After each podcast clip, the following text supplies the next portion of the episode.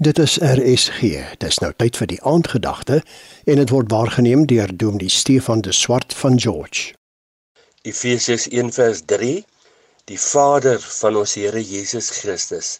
Romanse verwys onder andere na die sterk gevoelens, die roerende, dit wat die hartsnare beweeg, die aandoenlike gevoelens en dinamika tussen 'n man en vrou wat tot mekaar aangetrokke is of soos die ou mense gesê het, 'n oogie op mekaar het.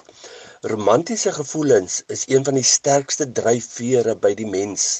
Ten spyte van soveel gebroke verhoudings, verwag mense nog steeds 'n ridder op 'n wit perd.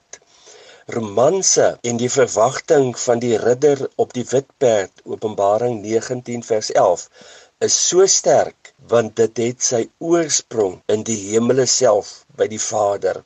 Hoe anders kan ons hom as 'n romantiese figuur beskryf? As hy nie so was nie, waarom is daar 'n boek soos Hooglied in die Bybel? My duif in die rotsklowe. Ek is my beminde sing en sy begeerte is na my. Sy liefde is so sterk soos die dood, sy gloed soos 'n vuur. Groot waters kan dit nie uitblus nie. Hooglied 2 vers 14, 7 vers 10 en 8 vers 6. As hy nie 'n romantiese persoon was nie, dan sou Hosea nie kon sê ek sal haar weer die hof maak en mooi dinge vir haar sê nie. 2 vers 19. Hoe kan ek haar prys gee? My liefde brand te sterk. Hy is stil tevrede in sy liefde. Sefanja 3 vers 17.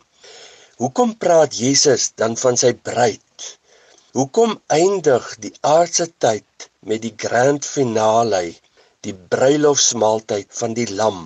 Openbaring 19 vers 9. Romantiese gevoelens op aarde kan vernietig word, maar nie die wat uit die hemel kom nie. Vader, open my oë vir u gevoelens oor my en verander u beeld in my. Amen. Jy het geluister na die aandgedagte hier op RSG, waargeneem deur Dominee Stefan de Swart van George.